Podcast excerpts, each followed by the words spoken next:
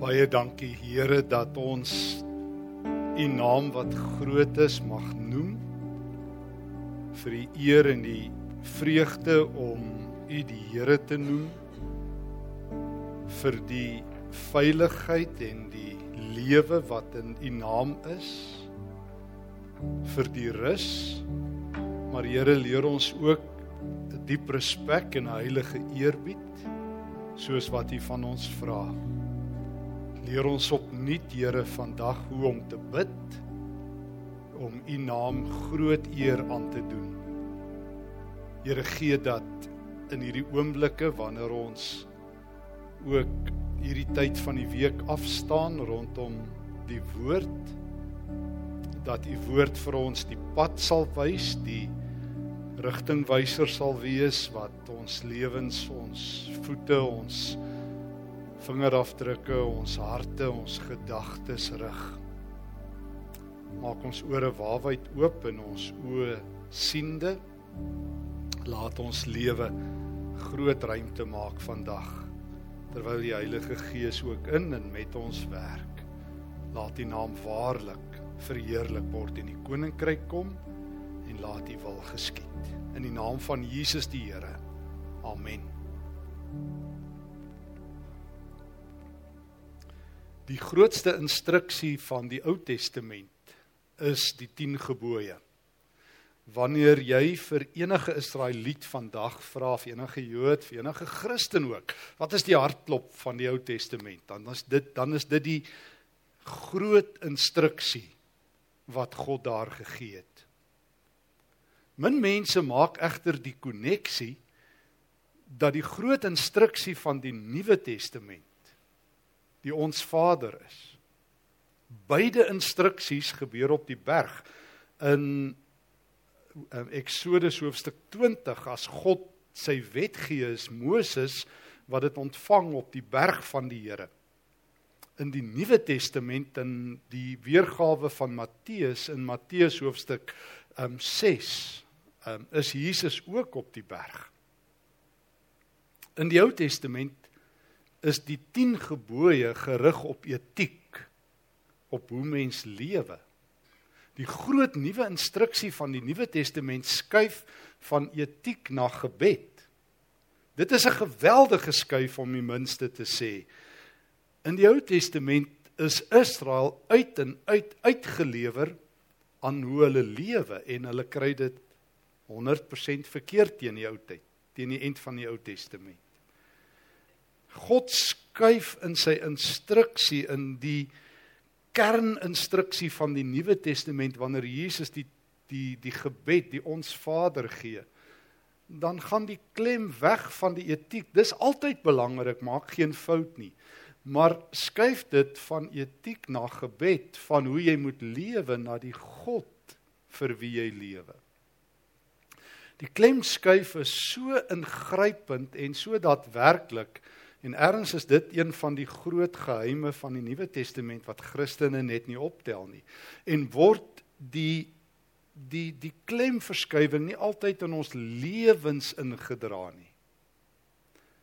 Uh die een van die grootste aanklagte wat mens keer op keer en dag na dag teen Christene hoor is dat ons skyn heilig is. Dat baie mense ons geloof Sondag vir 'n uur lank in die kerk beoefen en dit hier agterlaat.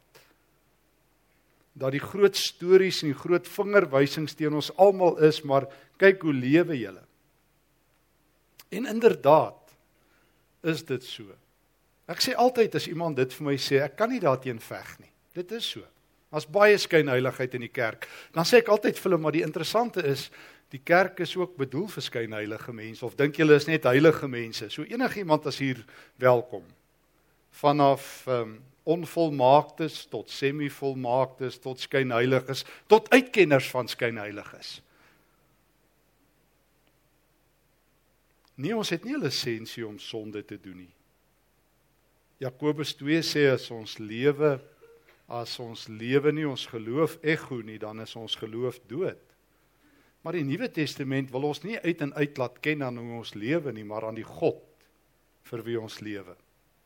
So Die antwoord wat die Nuwe Testamentiese kerk het is: ja, dis waar, maar het julle verstaan ons dien die God van genade. En dis wat Jesus doen as hy ons leer bid en ek wil graag saam met jou aansluit vandag by die die ons Vader en by die die bedes, die eerste bedes in Matteus 6 vers 9. En om hierdie skuif aan te voel, die skuif van God se eerste instruksie in die Ou Testament na sy tweede instruksie en wat hierdie drie bedes en met name vandag val die klem op die koninkryk maar ek wil dit saam met die eerste drie bedes van die ons Vader vandag weer aan die orde stel. Jesus is op die berg Matteus 5 tot 7 en dan in Matteus 6 leer hy hulle bid en ons sluit aan by vers 9 so moet julle bid. Ons Vader wat in die hemel is laat u naam geheilig word. Laat u koninkryk kom. Laat u wil ook op die aarde geskied. Net soos in die hemel, net tot daar. Laat u naam geheilig word. Maar maar Jesus begin by die kern van die kern. Die instruksie van die Ou Testament is ek is die Here julle God wat julle uit Egipte gelei het. Um en dan volg die die 10 gebooie. Die instruksie van die Nuwe Testament is gebed. En die gebed begin in 'n verhouding. Mag ek dit weer sê, um, en ek wil dit oor en oor sê. Ek wil saam met Paulus altyd glo wat hy vir die Filippense sê in Filippense 3 vers 1 om te herhaal, gee sekerheid vir die prediker bedoel ek. Dalk help dit die hoorders ook. Maar die hartklop van gebed gebed veral vir die Nuwe Testament is heel eerste dat dit oor God gaan en dat dit 'n relasie is. En ek wil weer sê ek het dit verlede week daar by Hippolaan ook gesê. Meeste van ons dink nie so oor gebed nie. Meeste mense bid uit hulle kan ek die woord gebruik wants and needs zone. Vir meeste mense is gebed 'n versoekprogram en jy's maar gelukkig as jou versoekprogram op 'n hemelse radiostasie gespeel word maar gebed in die instruksie van Jesus is in die eerste plek 'n verhouding. In die Ou Testament sê God ek is die Here julle God. Dis reg, 100 baie. Dit sê die gebed ook. Maar Jesus stel God voor as ons hemelse Vader. As die een wat baie naby gekom het. O in die Ou Testament word God een of twee keer die Vader van Israel genoem.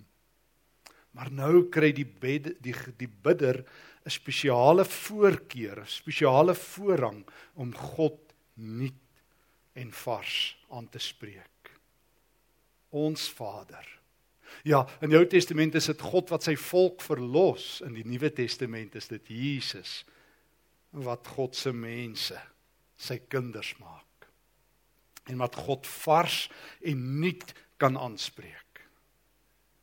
Let egter op dat nooit gee Jesus ons die toestemming om God meer as ons Vader te noem nie. Net slegs hy terloops noem God Vader in die algemeen my Vader en julle Vader. Maar maar ons se Vader, maar laat u naam geheilig word. Dieselfde as die Ou Testament. Hier is die eerste gebed, die eerste bede.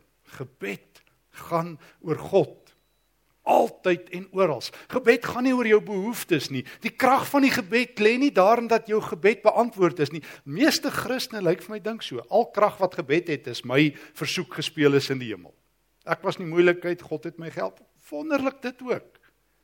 Maar dit is in die tweede deel van die ons Vader, die hartklop van gebed. Dit gaan oor God. Selfs in Getsemane is daar 'n doodsvonnis oor Jesus hang. Bid hy dan spreek hy God aan as Abba Vader. Let wel nie pappa nie. Ek kry horries as ek hoor mense bid so. Want dis nie wat dit beteken nie. Dit beteken Vader. Die Grieke het 'n woord pappas en dit word nie gebruik nie. Die woord pater word gebruik. Abba Pater, Abba Vader. Daar's altyd heilige eerbied vir God. Altyd. God is nooit jou speelmaat. Hy's nooit so naby dat jy en hy familier met mekaar is nie nooit. Ons Vader, laat U naam geheilig word. En as mens daai grens oortree, oortree die grens van gebed. En miskien is dit een van die probleme hoekom ons so sukkel, want meeste mense bid wanneer wanneer die die die die wielpap geword het en die noodwiel nou nodig is. Dan is gebed die noodwiel. Dan stuur jy gou jou versoek in, dan moet God help. Maar ten diepste is gebed 'n verhouding, is 'n leefwyse. Dis die instruksie van die Nuwe Testament. Jy bid altyd. Paulus skryf vir die Tessalonisense ons bid dag en nag, ons bid sonder ophou. En die hartklop van gebed is die verwondering oor gebed. As daar een ding is wat jy elke dag moet doen, is dit om op te kyk na God en in verwondering te leef. Ons Vader, laat U naam in my lewe en in die wêreld en oral geheilig word laat ek as ek die naam noem dit met eerbied noem. Laat ek dink wat ek doen. Laat ek versigtig bid. En ek dink enige bidder wat dit verstaan bid versigtig. Dink wat jy doen.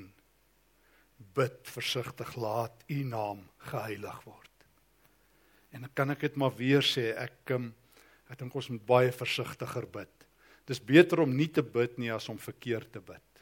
Jy hoef nie elke ete met gebed te begin nie. Jy hoef nie elke vergadering en skoolding te oop en te toe bid nie. Daar is nie gepaste gebede nie. Alle gebede gaan oor God. En as dit nie reg is nie, is dit beter om dit nie te doen nie as om dit verkeerd te doen. Jy eet is nie 1 2 3 eet en dan moet God ook daarbey in ag geneem word nie. Ehm um, dink, wees versigtig Ek het nou die dag vir iemand gesê by eetgebed sê ek sal jy gou vir ons bid. Sê ek ek doen nie die sal jy gou vir ons bid roete nie.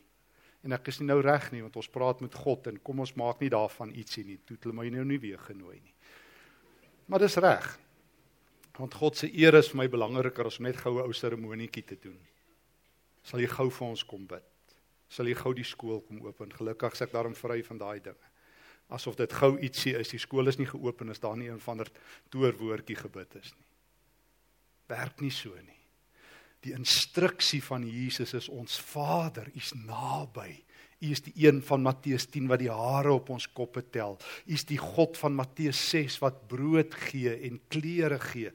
Maar Here, U is heilig. Laat U naam geheilig word in my lewe. Laat mense sien ek het 'n groot God voor wie ek buig. Tweedens, laat U koninkryk kom. O Jesus het God se koninkryk gebring. Dis die eerste keer dat ons hoor as Jesus begin preek in Markus 1 vers 15 dan sê hy bekeer julle want die koninkryk van God het naby gekom of het aangebreek. Dis dis hier en dis op pad. Daar's 'n nuwe realiteit, 'n nuwe werklikheid wat aan die gebeur is. As ek met God praat, dan vra ek dat sy wêreld sal inbreek in hierdie wêreld. Hierdie vreemde nuwe wêreld wat Jesus bring hierdie radikale koninkryk. O God se koninkryk is nie 'n gesentraliseerde koninkryk soos die Britse ryk of die Amerikaanse ryk of die Republiek van Suid-Afrika nie. O God se koninkryk op aarde het nie 'n gesentraliseerde regering met 'n klomp amptenare en 'n weermag en 'n en 'n orde nie. God se koninkryk sê Jesus in Lukas 13 en Lukas 17 is oral. Dis daar waar dit instroom in die wêreld. God se koninkryk moet jy nie met die kerk verwar nie. Die woord kerk, eklesia, kom maar 3 keer in die evangelies voor. Kan jy dit glo? 3 keer Matteus 16 en 18 word die woord kerk gebruik. Koninkryk 136 keer. Koninkryk is baie groter. Dit is Jesus se nuwe inbreuk van sy Vader se ryk wat hy in hierdie wêreld indra. Laat die koninkryk kom, Here. Dis waarvoor ek bid. Here, daar by die werk, Here, daar in my familie. Here, laat U koningskap hier sigbaar wees. Laat u koninkryk kom. Geweldige gebed wat 'n Christen bid. Laat u koninkryk kom. En hierdie koninkryk Here gee dat ek 'n werker sal wees wat hierdie koninkryk sal laat kom. En dan die aspek waarby ek eintlik die meeste tyd vanoggend wil spandeer wat ek ook 'n paar weke gelede op 'n ander manier gedoen het daar by Hippolaan, laat u wil ook op die aarde geskied soos in die hemel. Mag ek weer vra? As jy 'n Christen is en ek glo jy is en dis hoekom jy hier is, is die belangrikste vraag wat 'n Christen eintlik behoort te vra, wat is God se wil vir my lewe? Nie waar nie. Ek het in my hele lewe tot vanoggend dat ek hier preek nog nooit gehoor as iemand um, so 'n vraag vra, maar ek sê dit vir mense nou eendag iemand weer vir my sê, "Wat wat dink ek is God se wil?" Toe sê ek vir hom, "Soos in die hemel." Dis God se wil, so op aarde. Nee, wat bedoel jy? Ek sê, "Bid jy nie die ons Vader nie?" Ja. Ek sê, "Maar jy bid dit dan elke dag van jou lewe, het jy nie 'n klou wat jy bid nie?" Bid jy in hieroglife of wat? As jy bid, Here, laat U wil geskied soos in die hemel soos op die aarde. Maar ek het nog nooit gehoor dat Christene daai koneksie maak nie. Ons bid dit, maar ons weet nie wat ons bid nie. Wat bid ek as ek vra my lewe moet in God se wil wees? Dan kom Jesus en hy sê dit beteken soos in die hemel so op aarde.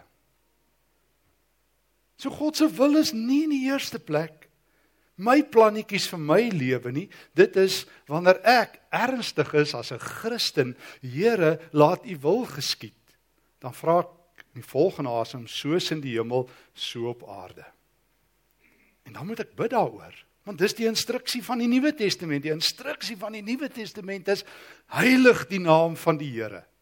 Die tweede instruksie is laat die koninkryk kom. Derdens, Here, laat U wil wat in die hemel is hier op die aarde gebeur. Met ander woorde, Here, bring die hemel aarde toe. Laat dit wat in die hemel gebeur ook nou al gebeur. Here moet my nie net wegvat van die aarde af hemel toe nie, maar Here doen u wil wat in die hemel gebeur ook op die aarde. Nou is die vraag: Weet jy wat jy bid as jy dit bid? Ek is ernstig. Ek bedoel, dis nie 'n teoretiese vraag wat ek vir jou vra nie. Het jy amper vra ek nou soos jong mense, het jy 'n klou wat jy bid? as jy die ons Vader bid, want jy moet dit altyd bid. So wat vra jy? Here, ek wil graag met my lewe in U wil lewe. Maar Here, ek wil hê U wil wat daar is moet hier wees. So hoe gaan dit lyk? Hoe gaan dit lyk as hierdie gebed verhoor word? Waar gaan ek 'n sleutel kry om 'n antwoord hierop te hê? As ek vir jou die vraag vra en ek vir myself die vraag vra, Laat u wil geskied. Laat u koninkryk kom. Laat u naam geheilig word. Dan gaan ek altyd na die woord toe en ek hoop jy het dit gehoor ook. As ek sê laat u naam geheilig word, dan moet ek in die woord gaan kyk. Laat u koninkryk kom, dan moet ek by Jesus gaan luister hoe lyk die koninkryk. En in die hemel dan moet ek ook in die woord gaan kyk en ek wil jou uitnooi saam met my volgend om soos ek in die afgelope paar weke doen dit deur Openbaring gedoen het, maar ek wil graag vanoggend stil staan um, oor hoe lyk God se wil in die hemel by Openbaring hoofstuk 15 en Openbaring hoofstuk 19. Nou, want dis die sleutel. En ek hoop jy gaan met my saamstem dat as ek wil weet hoe lyk God se wil in die hemel, dan moet ek nou mos nou gaan kyk wat sê die Bybel oor hoe lyk dit in die hemel en dan moet ek die koneksie na die aarde toe maak oor hoe gaan ek dit nou hier op aarde doen. Dis mos logies, nie waar nie? Stem julle saam? Dis mos logies. As ek wil weet hoe lyk God se wil, dan moet ek 'n teks gaan lees En Openbaring het al hierdie tekste oor God se wil, oor hoe lyk God se wil in die hemel. Wel, dit vertel vir ons op 'n aangrypende manier. En ons het nou die dag daar by Hippolaan stil gestaan by Openbaring 4 en 5 net toe Jesus in die hemel aankom. Openbaring 5 is met sy hemelvaart. Want in hoofstuk 4 is hy nog nie in die hemel nie. Ons sien God die Vader op sy troon, ons sien die Heilige Gees. Hoofstuk 4 en in hoofstuk 5 stap ons Here Jesus daar in die hemel in. Openbaring 15 is so net 'n toneel wat in hemel afspeel terwyl dinge hier op aarde sleg gaan. Speel hoofstuk 15 af.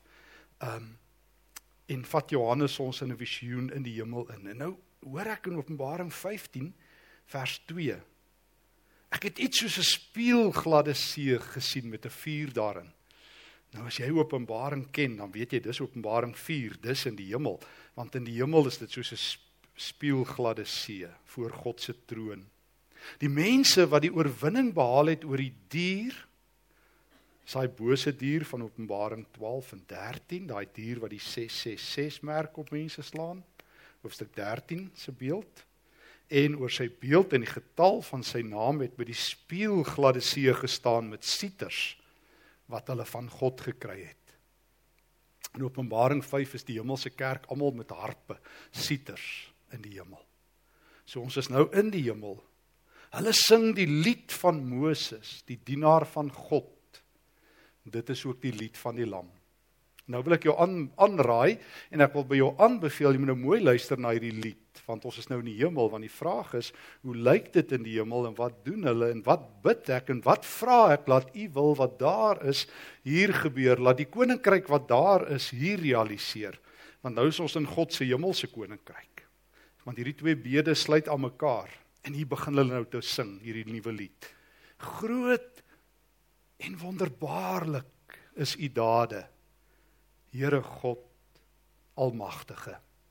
Reg en betroubaar is u optrede, koning van die nasies. Wie sal u nie vrees nie, Here, en u naam nie verheerlik nie. U alleen is heilig. Dis die taal van Jesus. Laat u naam geheilig word. Wat gebeur in die hemel? God se naam word geheilig. U alleen is heilig. Al die nasies sal kom en u aanbid want hulle sal sien dat die handelswyse regverdig is. So bid die hemelse kerk. Here, U is heilig. Groot en wonderbaarlik is U. Reg en betroubaar is U. Wie sal U nie vrees nie? So wat bid ek as ek vra, Here, laat U wil geskied en laat U koninkryk kom? Here, alwaarvoor ek vra ten diepste, is laat daar in my lewe hierdie diep ontzag vir die Here sal wees. Dis God se wil. God se wil is nie in die eerste plek dat my lewe uitwerk nie. Kan ek maar weer sê wat ek altyd sê as ek oor God se wil praat? God het nie 'n wil vir jou lewe nie. Iemand moes dit al vir jou gesê het. Dis net dis net boeke en stories in in in WhatsApps en sulke one-linertjies op Facebook wat dit sê. God het 'n wonderlike plan vir jou lewe. Nee, hy het nie. Hy het net 'n wonderlike plan. Punt en jy moet met jou lewe daarin val.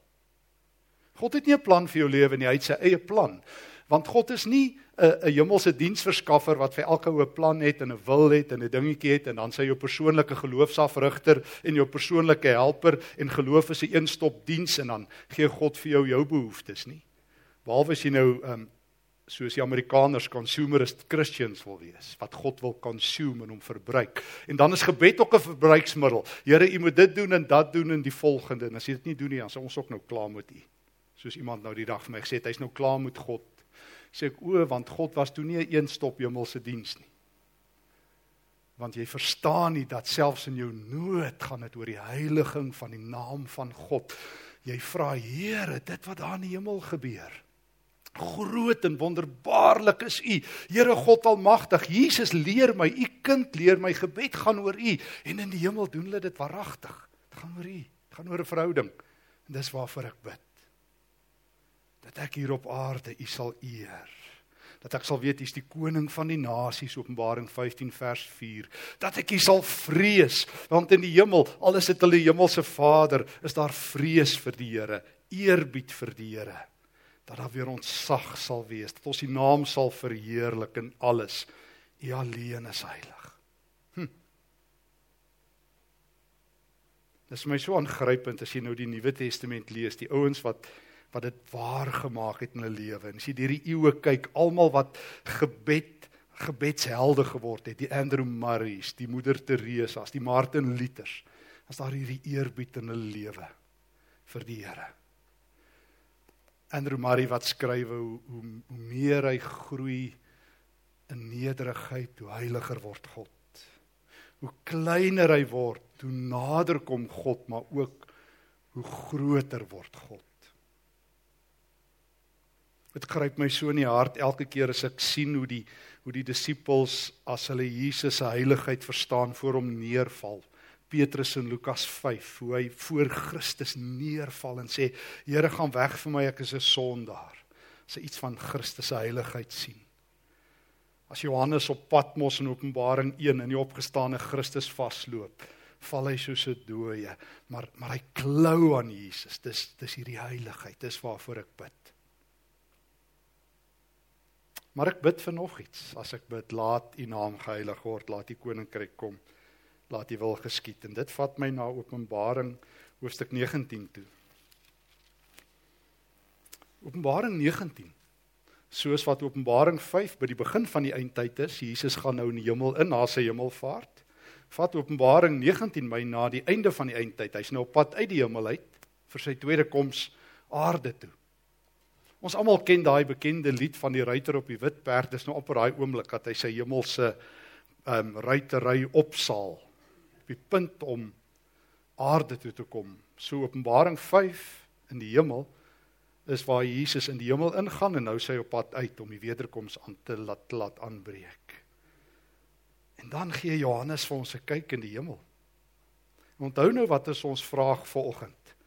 Here, wat beteken dit laat U naam geheilig word, laat U koninkryk kom, laat U wil geskied? En hoe lyk dit in die hemel sodat ek weet wat ek moet bid?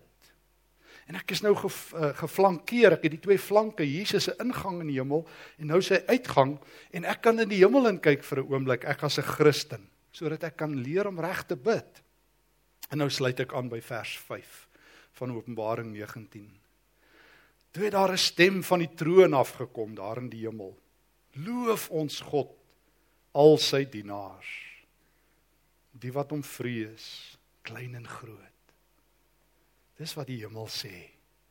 Kom ons loof God. Kom ons aanbid God. Kom ons tel God se naam op, klein en groot. Nie net groot mense nie, nie net klein mense nie, klein en groot almal. Ek het toe iets gehoor soos die geluid van 'n groot menigte. Soos die gedruis van 'n groot watermassa en so swaar donder weer. Nou hoor Johannes hierdie gebed. Dit kom soos hierdie magtige donder weer, hierdie dreuning begin die hemelse kerk bid. Hulle het uitgeroep: "Prys die Here. Die Here ons God, die almagtige heers as koning. Laat U wil geskied, soos in die hemel, so op die aarde." Wat sê die hemelse kerk? Klein en groot moet die Here eer. Alles gaan oor die Here. Die Ou Testament sê eh, eh, kan ek dit weer sê, die Ou Testamentiese instruksie, die 10 gebooie is hoe jy moet lewe. Die Nuwe Testament se instruksie is hoe jy moet bid.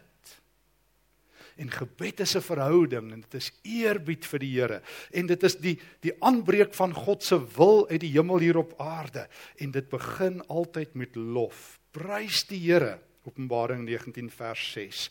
Die Here ons God die almagtige heers nou as koning.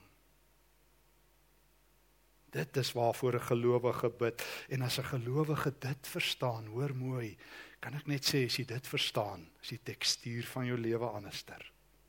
Dan is daar elke dag 'n stukkie hemel op aarde. Dan is jy elke dag besig om te buig voor hierdie God, om te oefen vir jou plek in die hemel om saam met die hemelse kore nou reeds te bid. Laat ons bly wees en juig vers 7. En aan hom die eer gee want die bruilof van die lam het aangebreek en sy bruid, dis die kerk, het haar daarvoor gereed gemaak. God het dit haar dit vergun om fyn, helder, blink klere aan te trek. O die hemelse kerk geliefdes, hou bruilof. Die bruilof van die lam. O die hemelse kerk juig en is bly vers 7 en hulle gee aan God die eer want Jesus is op pad na die aarde. Jesus is op pad terug. Wanneer hy in Openbaring 5 in die hemel aankom en die boekrol uit God se hand neem, onthou jy, jy behoort die teks te ken dan vat hy alle mag in hemel op aarde en hy regeer na breuke hemelse erediens uit. Hulle roep uit die hemelse kerk aan hom wat op die troon sit en aan die lam kom toe die lof en die eer en die heerlikheid en die hele hemelse kerk buig. En nou wanneer Jesus gereed maak om terug te kom aarde toe, doen die hemelse kerk dieselfde. Hulle bid en hulle buig en daar's vreugde en hulle juig. Die een ding, geliefdes, kan ek dit sê wat ons oor en oor vir mekaar moet sê in die hemel is daar vreugde. Daar is nie klagte kommissies nie. Daar is net juigkore. Daar is nie hooplose musiek nie. Daar is nie chaos nie. O ons mag kla, ons mag treur want ons is ook mense, maar ons identiteit lê nie in ons lyding en in ons swaar kry nie. Ek is baie keer so bekommerd dat Christene dikwels in ons land meer bekend kan wees vir hoe swaar ons kry. 'n Vriend van my sê nou die dag vir my, uh, hy het my kom sien dit het hom so gepla by 'n ander gemeente waar hy is, waar hy vir my sê, hy kan nie meer kerk toe kom nie, want elke dominee en elke prediker en elke lied wat hy sing veronderstel, dit gaan sleg. En dis amper asof die prediker jou lei daarin en as dit met jou sleg gaan nie, dan sal iets fout met jou. Ehm um, ja kyk soos ek sê ons sê daarom altyd so vir die eerste 30 sekondes as iemand jou vra hoe gaan dit? Nee, dit gaan goed. Na 30 sekondes hoor jy die waarheid. Maar maar jy's amper geskok as jy hoor dit gaan met 'n Christen goed.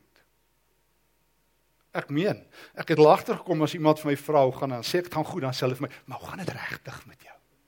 Sê ek het die eerste keer toe nou nie gejok nie.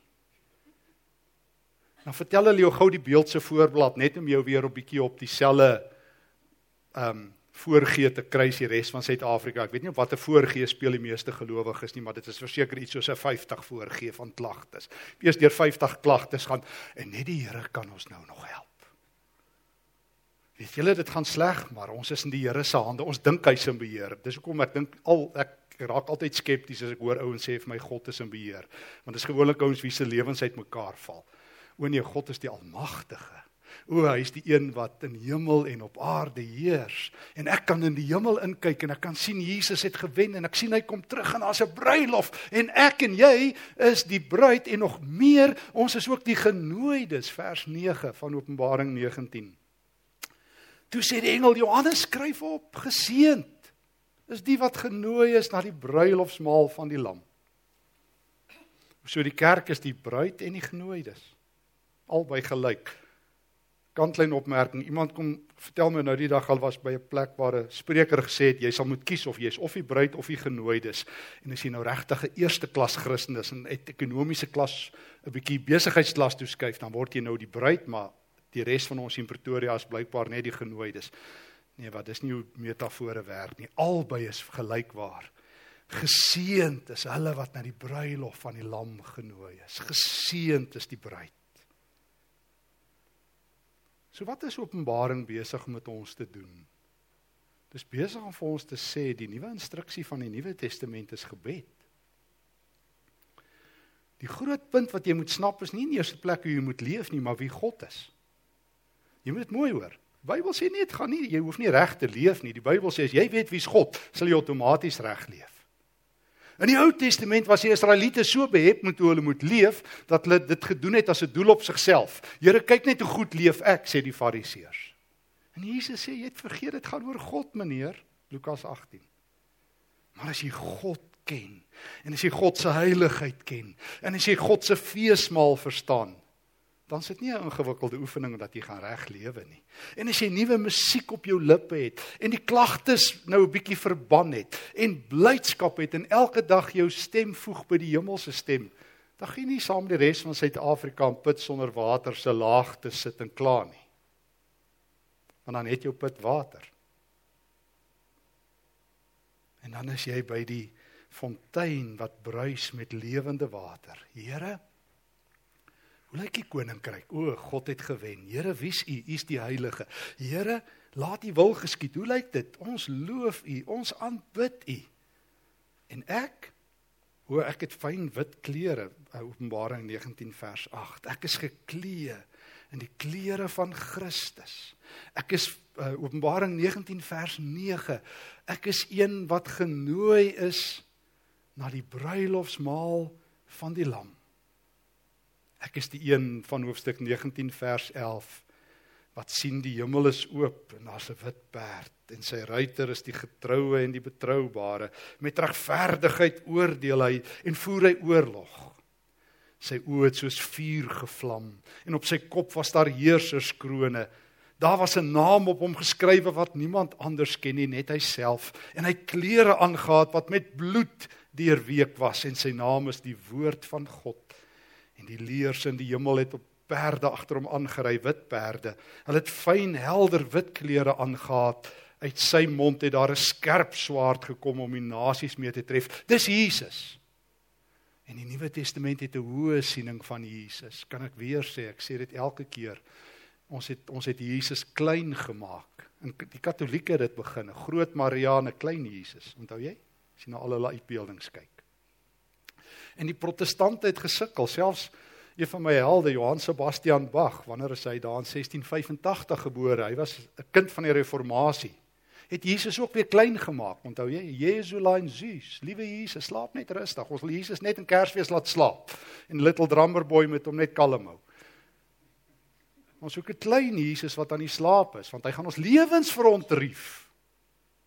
Hoe skryf die Duitse teoloog um Ernst Käsemann the early church took the red hot message of Jesus and cooled it down to room temperature they could not stand the heat. Maar die ware Here, die Here Jesus van die Nuwe Testament, die een wat um groot en heilig is, die een van wie selfs die engele sing in in in in in Lukas 2, vandag is daar vir julle Christus die Here gebore, nie liewe Jesus, die Christus die Here, is die een wat nou in die hemel as ek as ek moet leer bid, moet ek ook vir Jesus raak sien, die een wat die koninkryk bring. Die een met sy heerserskrone, die een wat op die wit perd ry, die een wat gevolg word deur die leers van die hemel. Het jy opgemerk as Jesus aarde toe kom? 'n Kantlyn opmerking wat vir my altyd so mooi is. As hy besluit om by die wederkoms weer te kom, dan trek hy sy kruisklere aan, sy klere wat deur die bloed deurweek is. Eerste keer toe Jesus aarde toe gekom het, was daar nie van klere in die hemel nie. Hy het slawe klere aangetrek. Um um Filippense 2 vers 5. En as hy weer kom, laat hy sy kerk helder wit klere aantrek, maar hy trek bloed beloopte klere aan. Dis die Here. Wat sê die Here vanoggend vir jou? Hoe hy maak jou deel van 'n verhaal. Hy sê vir jou ek het 'n nuwe instruksie vir jou. Jy moet bid. Dit is my belangriker dat jy bid as jy die 10 gebooie hou. Ek wil dit net nou maar so sterk sê. En die kerk waarin ek groot geword het, het die 10 gebooie bo gebed gestel. Maar die instruksie van die Nuwe Testament is jy moet bid. Hoe moet jy bid? Laat die naam geheilig word. Hoe sal jy dit regkry? Laat die koninkryk kom. Hoe sal jy dit regkry? Laat die wil geskied. O sê Johannes, ek kan julle help. Daar's 'n boek aan die einde van die Bybel wat julle in die hemel kan invat. Dan sien julle presies hoe dit gebeur. Dan bid julle soos in die hemel so op aarde. So word God se naam in die hemel geheilig? Ja, hoe weet jy dit? O, Johannes, ek was nou in Openbaring 15. Ek was in die hemel, daar bly ek in Pretoria. Ek was hierdie oggend, hierdie wonderlike oggend van Julie, kon ek vir 'n oomblik in die hemel inkyk en ek het gehoor hoe heilig is God en almal buig voor hom. En ek het iets van God se koninkryk gesien. Dis die Here Jesus. Hy's die ruiter op die wit perd. Ek het gesien hoe kom hy aan in die hemel en Johannes, ek het gesien hoe gaan hy uit. En dan gebeur altyd dieselfde. Die kerk aanbid hom. En die kerk het gewen. Johannes, ek het gehoor ek is 'n lofsanger en ek is 'n bruid en ek is 'n genooide. En nou moet ek terug aan Pretoria toe want ek leef in Pretoria in die regte wêreld. En terra firma vat my hier op vaste aarde, vat my voete grond. Hoe gaan ek lewe? Gaan elke dag voor God buig. Laat U naam geheilig word. Here, of dit my goed gaan of ek langs groen weivelde loop en of ek deur 'n die diep donker dal gaan, laat U naam geheilig word. Here, dit gaan oor U. Of ek lewe en of ek sterwe, Here, dit gaan oor U. Laat U koninkryk kom. Here, met my een en enigste lewe, ek is Jesus sinne. En laat U wil geskied, Here. Laat mense 'n stukkie hemel hier op aarde in my lewe sien. En of ek lewe en of ek sterwe, Jesus is die Here. Mag die Here gee dat jou gebed sal verander, dat jy God se 'n nuwe instruksie ernstig sal vat. Amen. Here baie dankie dat ons vir 'n oomblik saam met Johannes en saam met U in die hemel kan inkyk. Ons kan U naam heilig want ons sien in die hemel word U naam geheilig. Here, ons kan pleit dat die koninkryk kom want ons weet Here dit het gekom en U het alle mag nou in die hemel. En Here, ons kan vooruitkyk as U weer kom. Dankie dat U gewen het en weer wen. En nou wil ek bid, Here, laat U wil geskied. Ook in my lewe. Ek is jammer as ek die instruksie mis. Ek is jammer as ek die partykeer in my klein wêreltjie probeer indruk en U aan my vereistes laat voldoen. Here vergewe my dat meeste van my eie gebede eintlik net vra en antwoord gebede is. Ek weet ek kan ook vir daaglikse brood vra en ek U leer my dit ook. Maar bo al Here, leer my dan van nou af, laat U naam heilig wees. Laat U koninkryk kom en laat U wil geskied. En dankie Here dat dit gebeur. En dankie Here dat dit van nou af op nuwe maniere in my lewe sal gebeur. In die naam van Jesus bid ek dit. Amen.